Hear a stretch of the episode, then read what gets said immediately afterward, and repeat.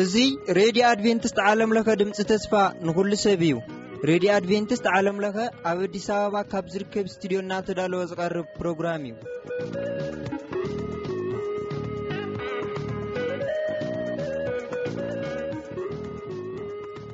እዚ ትከታተልዎ ዘለኹም ረድዮኹም ረድዮ ኣድቨንቲስት ዓለም ለኸ ድምጺ ተስፋ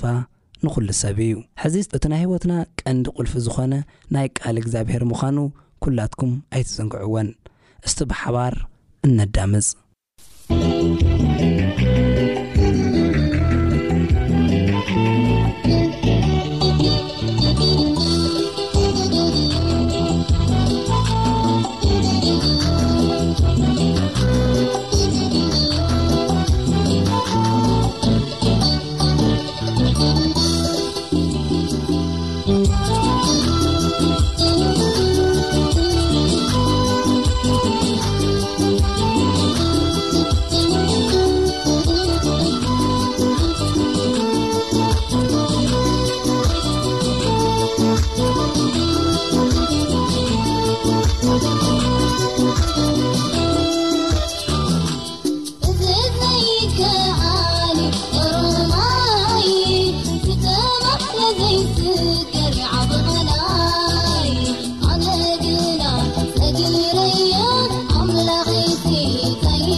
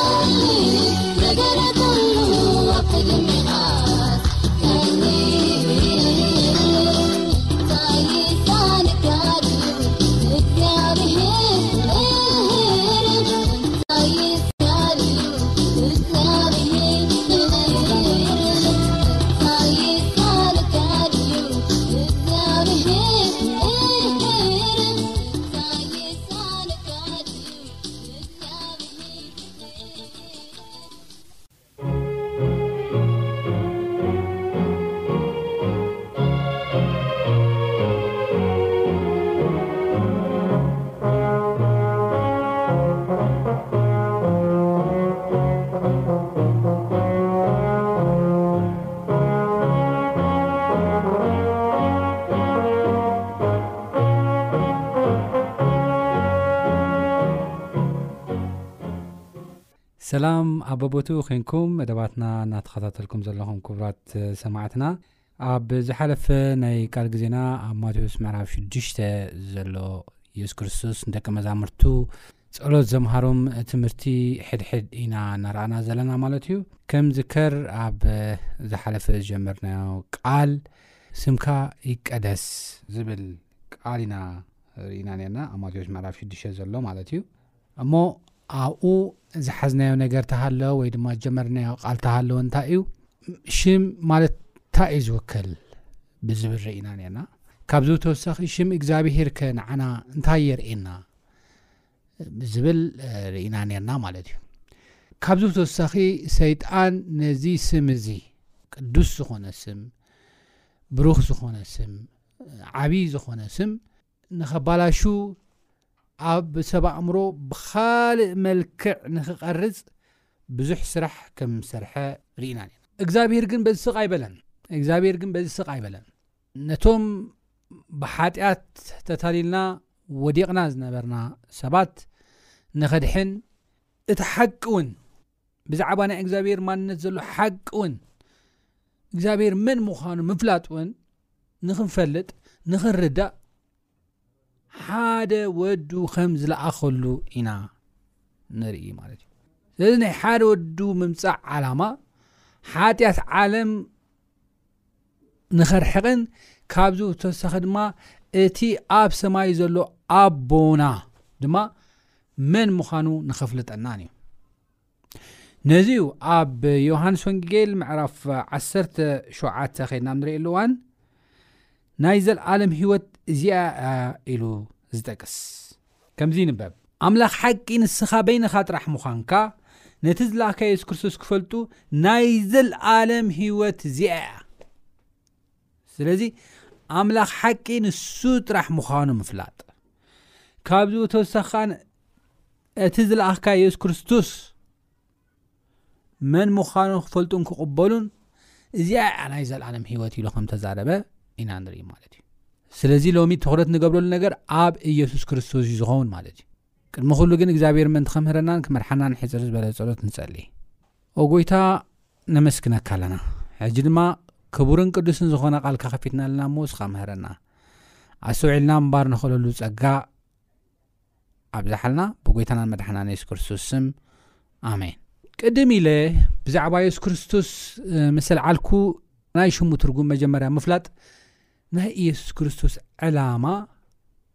እንታይ ምዃኑ ግልፂ ኮይኑ ይረኣየ ካብቲ ስሙ ከምቲ ቅድሚ ሕጂ ዝበልናዮ ማለት እዩ ስም ኣብ እስራኤላውያን ኣብ እብራውያን መጸውዒ ጥራሕ ኣይኮነን ነይሩ ባህሪ ስልጣን ማንነት ስብእናኻ እቲ ናትካ ህቡብነት ዝትርኽን ዝነግርን እዩ ሽም ማለት እዩ ስለዚ ኢየሱስ ክርስቶስ ሰው ኢሉ ይኮነን ኢየሱስ ክርስቶስ ተዋሂቡ ምስ ዘለዎ ተልእኾ ምስ ዘለዎ ስልጣን ተታሒዙ ምስ ዘለዎ ማንነት ተታሒዙ ዝቐረበ ከም ዝኾነ ኢና ንርኢ ኣብ ዝሓለፈ ክጠቕሶ ከም ዝሞከርኩ ኢየሱስ ክርስቶስ ማለት ብእግዚኣብሔር ዝተቐብዐ መድሓኒ ማለት እዩ ንሰባት ንምድሓን ካብ ሰማይ ዝወረደ መድሓኒ ብእግዚኣብሔር ዝተቐብዐ ካብ ሰማይ ዝወረደ መድሓኒ እዩ ኢልና ተዛሪብና ኣለና እዚ ስኢልና ንሕና ስለ ተዛርብናዮ ዘይኮነስ ኣብ መፅሓፍ ቅዱስ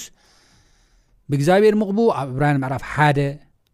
ጽድቂ ፈቶኻ ዓመት ጸላእኻ ስለዚ ኣቦኻ ወይ ድማ እግዚኣብሔር ኣምላኽካ ሓለፋ ካልኦት ብጾት ብዘይትቐብኢ ብሓጎስ ዘይትቐብኢ ቀብኣካ ይብል መሲሕ ማለት ወይ ድማ ክርስቶስ ማለት ክርስቶስ ማለት ናይ ግሪክ ቃል እዩ ቅቡእ ማለት እዩ ንምንታይ ተቐቢኡ ንኸድሕን ሓጢኣተኛታት ንኸድሕን ክቡር ክነሱ ኣምላኽ ክነሱ ንሓጢኣተኛታት ከድሕን ግን ከም ዝመጽእ ኢና ንርኢ ካበይ እዩ ከድሕን መጽዩ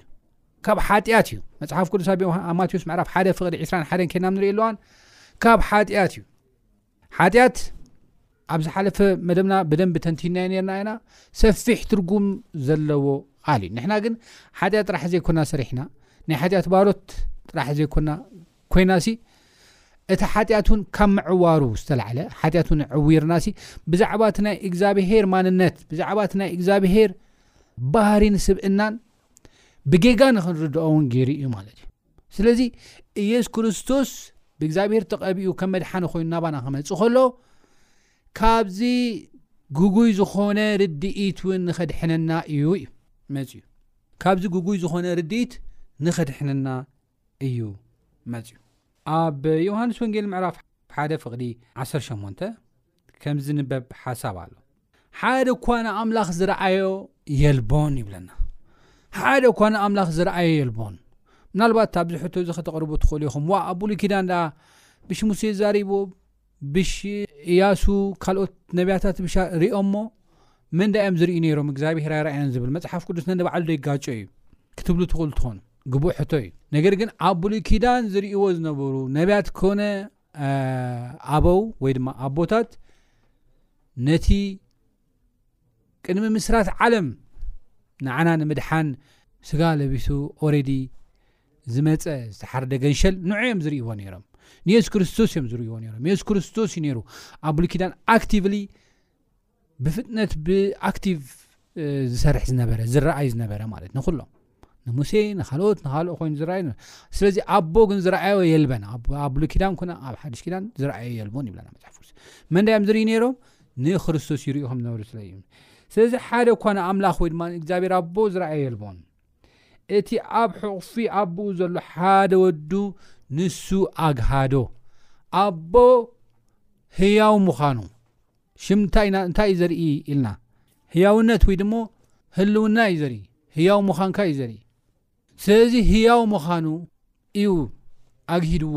ኢየሱስ ክርስቶስ ማለት እዩ ኣብዚ መሬት ከሎ ኣኽቢርዎ እዩ እቲ ዝሃብካኒ ትእዛዝ ፈፂመ እንታይ ገበርኩኻ ኣኽበርኩኻ ይብሎ እዩ ስለዚ ኣግሂድዎ እዩ ኣቦ ህያው ምዃኑ ኣርእይዎ እዩ ንሱ ጥራሕ ኣይኮነን እግዚኣብሄር ኣቦ ፍቕሪ ምዃኑ ኣግሂድዎ እዩ ሰማይን ምድርን ዝፈጠረ ገዛኢ ዩኒቨርስ ከም ዝኾነ ድማ ኣኪድዎ እዩ ፅቡቕ ሽም ዘለዎ ብመላእኽቱ ዝተፈርሐ ብመላእኽቱ ዝስገደሉ ጎይታ ምዃኑ ድማ ኣግሂድዎ እዩ ከድናም ንሪእኣሉዋን ማለት እዩ ስለዚ እዚ ነገር እዚ ብምግባር ንዓና እንታይ ጌርናዩ ካብ ጉጉይ ኣረዳድኣ ኣድሒንና እዩ እቲ ብሕታዊ ዝተቐብዐ ክርስቶስ ብዛዕባ እግዚኣብሄር ድማ ክዛርብ ንሱ ጥራሕ ስለ ዝኽእል ንዑ እዩ ንዑ ጥራሕ ቀቢእዎ እቲ ቅቡእ ብእግዚኣብሄር ዝተቐበ ንዓና ካብ ጉጉይ ኣረዳድኣ ከድሕነና ካብ ሓጢኣትና ከድሕነና ካብ ናይ ዘለዓለም ሞት ካብ ጥፍኣት ከድሕነና ዝመፀ ነዚ ኩሉ ነገራት ፊት ዝገብር ዝገጥም ክርስቶስ ፅራሕ ስለ ዝኾነ ልዕሊ ክርስቶስ ኣቦ ዝፈልጦ የለን ልዕሊ ክርስቶስ ኣቦ ልዕሊ ክርስቶስ ንኣቦ ክገልፆ ዝኽእል የለን ዮሃንስ ወንጌል ምዕራፍ 14 ኣብ ዝሓለፈ እውን ክገልፆ ፈቲነ ነይረ እየ ፊልጶስ ሓደ ሕቶ ሓቲቱ ነይሩ ጎይታ ይነቦ ኣርእየና እሞ ይኣኽለና ኢልዎ ነይሩ የሱስ በሎ፣ ፊልጶስ፣ እዚ ኽንድዚ ዝኣክል ዘመን ምሳኻትኩም ክነብር ከለኹስ ኣይትፈልጠንን ዲኻ? እቲ ንኣይ ዝረኣየ ነቦ ረኣየ። ኣቦ ብዅሉ ነገሩ፣ ብባህሪኡ ንዓይ እዩ ዝመስል፣ ብስልጣኑ ንዓይ እዩ ዝመስል፣ ህያው እዩ፣ ብኑ ንዓይ እዩ ዝመስል ኢሉ ከም ዝነገሮ ኢና ንርኢ። ስለዚ ቀረባ ኣብ ሕቝፊ ኣብ የማን ሕቝፊ ኣቦ ዝነብር ዝነበረ ቀረባ ክርስቶስ ካብኡ ንላዕሊ ክገልጸልና ዝኽእል ስለ ዘይነበረ እግዚኣብሄር እቲ ሓቀኛ ምስክር ከም ዝለኣኸልና ንሱ ድማ የሱስ ክርስቶስ ከም ዝለኣኸልና እቲ ወዱ ኸኣ ንኣቦ ከም ዘግሃዶ እዩ ዝነገረና ማለት እዩ መጽሓፍ ቅዱስ ነዚ እዩ ኣብ ቆላስያስ ምዕራፍ 2 ፍቕዲ 14 ከምኡውን ቀዳማ ዮሃንስ ምዕራፍ 3 ፍቕዲ 8 ኢየሱስ ክርስቶስ ናብዚ ምድሪ ዋና ዝመፀሉ ናይ ዲያብሎስ ስራሕ ንኸፍርስ እዩ ይብል እስከ ከምብቦ ቀዳማ ዮሃንስ ምዕራፍ 3 ፍቅዲ 8 ዲያብሎስ ካብ መጀመርያ ሓጢኣት ይገብር እዩ እሞ ሓጢኣት ዝገብር ካብ ዲያብሎስ እዩ ወዲ ኣምላኽ ከዓ ግብሪ ዲያብሎስ ምእንቲ ኸፍርስ ኢሉ እዩ ነዚ ዝተገልፀ ይብለና ወዲ ኣምላኽ ወይ ድማ የሱስ ክርስቶስ ግብሪ ዲያብሎስ ምእንቲ ከፍርስ እዩ ተገልጸ እቲ ሓሶቱ እቲ ጠባርነቱ ትምትላሉ ከፍርስ ኢሉ እዩ ናብዛ ምድሪ መፅ እዩ ኣብ ዘፍትረ ምዕራፍ ሰለስተ ፍቅዲ ሸሞንተ ንህዋን ኣታለዋ ነይሩ እዩ ኣምላኽ ደኣ ዓይንኹም ንኸይክፈታ ከም ኣምላኽ ድማ ከይትኾኑ እዩ እምበር ኣይትብልዑ ኢሉኩም ካብኣ ምብላዕኹምሲ ኣይትሞቱን ኢኹም ኢሉ ዘታለላ እዩ እዚ ሓቂ ኣይናይ ምዃኑ ግን የሱስ ክርስቶስ መጺኡ ኣግሂድዎ እዩ ሰይጣን ሓሳዊ ምዃኑ ከሳሲ ምዃኑ ዘግሃዶ ንሱ ጥራሕ እዩ ናይ እግዚኣብሔር ማንነት ብደንብ ዝገለጸልና ንሱ ጥራሕ እዩ እሞ ግብሪ ዲያብሎስ ከም ዘፍረሰ ንእግዚኣብሔር ኣቦ ብምግላጽ ግብሪ ዲያብሎስ ከም ዘፍረሰ እቲ ሓደ መንገዲ ማለት እዩ ኣብ መስቀል ምስ ተሰቕለ ከዓ ኩሉ እቲ ናይ መክሰስ እዩ ንዓና ዝኸሰና ዝነበረ እዚኦም ክድሕኑ ኣይክእሉን እዮም ዝበሃሉ ዝነበሩ ሰባት ብደሙ ከም ዘድሓነና ነቲ መክሰስ እዩ ሰይጣን ዝጥቀመሉ ዝነበረ መክሰስ እዩ ነገራት ኩሉ ኣዕንዩ ኣብ ቆላሳስ ምዕራፍ 2 ፍቅዲ 14 ከም ዝብለና ንዓና ካብ ክሲ ነፃ ከም ዝገበረና ሓራ ከም ዝገበረና ይነግረና ማለት ዮሃንስ ወንጌል ምዕራፍ ሸሞንተውን ከምኡ እዩ ሓጢኣት ዝገብር ኩሉ ባርያ ሓጢኣት እዩ ስለዚ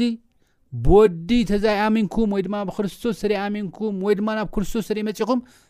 ሓራ ከውፃኩም ዝኽእል ማንም የለን ክርስቶስ ጥራሕ ሓራ ከውፃኩም ዝኽእል ኢሉ ከም ተዛረቦ ኢና ንርኢ ማለት እዩ ብጣዕሚ ዝገርም ሓሳብ እዩ እሞ በዚ መልክዕ እዚ ወዲ ኣምላኽ መጺኡ እቲ ግብሪ ድያብሎስ ከም ዘፍረሰ ብዛዕባ ኣምላኽ ድማ ብደንቢ ከም ዝነገረና እዩ ዝዛረብ ማለት እዩ ስለዚ እቲ ሓቀኛ ምስክር እቲ ኣብ የማን ሖፎ ኣቦኡ ዝነበረ ንሱ ናይ ኣቦ ማንነት ዘለዎ ትኽክለኛ ከንፀባርቀልና ዝኽእል እግዚኣብሔር ኣቦ ከኽብሮ ዝኽእል፣ ከርእዮ ዝኽእል ካብ የሱስ ንላዕሊ ስለ ዘይነበረ፣ ኣቦ ኸኣ ንዕኡ ቀቢኡ ናብዚ ከም ዝለኣኾ፣ ግብሪ ድያብሎስ ድማ የሱስ ክርስቶስ ከም ዘፍረሰ እዩ ዝነግረና። እብራውያን እውን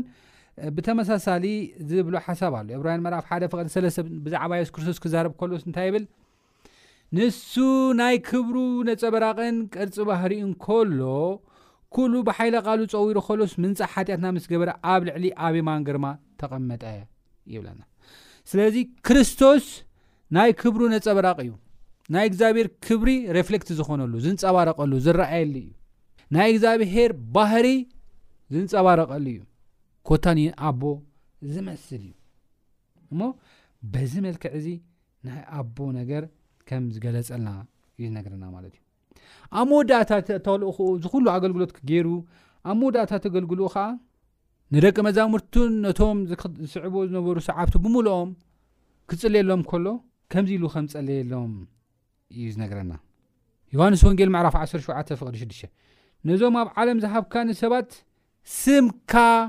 ገለጽኩሎም ይብለና ነዞም ኣብ ዓለም ዝሃብካኒ ሰባት ስምካ ገለጽ ኩሎም ናትካ ነበሩ ናይ ሃብካኒ ቃልካ እውን ሓለው ይብለና ስምካ ገለጽ ኩሎም ህያው ምዃንካ ገለጽ ኩሎም ስልጣንካ ፈጣሪ ናይ ዩኒቨርስ ኩሉ ፈጣሪ ምዃንካ ገለጽ ኩሎም ምክንያቱ ስም ህያውነት እዩ ዝገልፅ ስም ስልጣን እዩ ዝገልፅ ኢልና ህቡብነትካ እቲ ማንነትካ ገለጽኩሎም ባህሪኻ ፍቕሪ ምዃንካ ዘይትልወጥ ኣምላኽ ምዃንካ ብዘልኣለም ፍቕሪ ከም ዘፍቀርካና ገለጽኩሎም ናትካ ነበሩ ስራኻ ፈጢርካዮም ነበሩ ናይ ሃብካኒ ቃልካ ውን ሓለው ይብለ ስለዚ እቲ ዝሃብካኒ ዘበለ ኩሉ ካባኻ ምዃኑ ሕጂ ፈለጡ እቲ ዝሃብካኒ ቃል ሃብክዎም ንሳቶም ከዓ ተቐበልዎ ይብለና እሞ ኣዝዩ ግሩም ዝኾነ ሓሳብ እዩ ዘርእና ማለት እዩ እሞ የሱስ ክርስቶስ ስም እግዚኣብሄር ንምግላፅ እግዚኣብሄር ኣቦ መን ምዃኑ ንምግሃድ ዝመፀ ፈቃር ጎይታ ከም ዝኾነ ዘርእና እዩ እሞ ሎሚ ኣቦ ረሲዑኒ እዩ፣ ምሳይ የለን፣ ንዓይ ገዲፍኒ እዩ፣ ስለይ ኣይግደስን እዩ እትብሉ ሰባት ኩላትኩም ናብ ክርስቶስ ንዑ። ክርስቶስ እግዚኣብሔር ኣቦ ከም ዘፍቅረካን ከም ዝፈትወካን ኣባኻ ዘለዎ ሓሳብ ንዓኻ ዘለዎ ትልሚ ዓብይን ሰናይን ምዃኑ ክትርኢ ኢኹም። ዘለኣለም ህይወት ክበካ ድሌቱ ከም ዝኾነ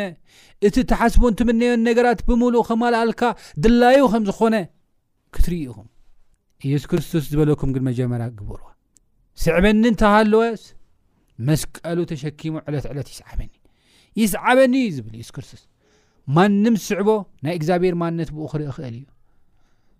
ማንም ስዕቦ ምድሓን ክረክብ ይኽእል እዩ ህይወት ክረክብ ይኽእል እዩ በረኸት ክረክብ ይኽእል እዩ ነቲ ኣብ ህይወቱ ዘሎ ሕቶታት ኩሉ መልሲ ክረክብ ይኽእል እዩ ካብቲ ዘለዎ መከራን ሽግርን እውን ክወፅእ ይኽእል እዩ ካብ ናይ ሰይጣን ሓይልን ካብ ናይ ሰይጣን እስራት ውን ፈንፂሑ ነፃ ክዝወፀሉ መንገዲ እውን ክህሉ ኽእል እዩ እምበኣር የሱስ ክርስቶስ ንከተል እቲ እግዚኣብሄር ዝቐብኦ ንዓና ንኸድሕነና ካብ ሓጢኣት ካብ ጉጉይ ኣብ ኣምላኽ ዘለና ርድኢት ንኸድሕነና ዝመፀ ኢየሱስ ክርስቶስን ኢየሱስ ክርስቶስን እዩ ናብ ኢየሱስ ክርስቶስ ክንመፅእ ይግብኣና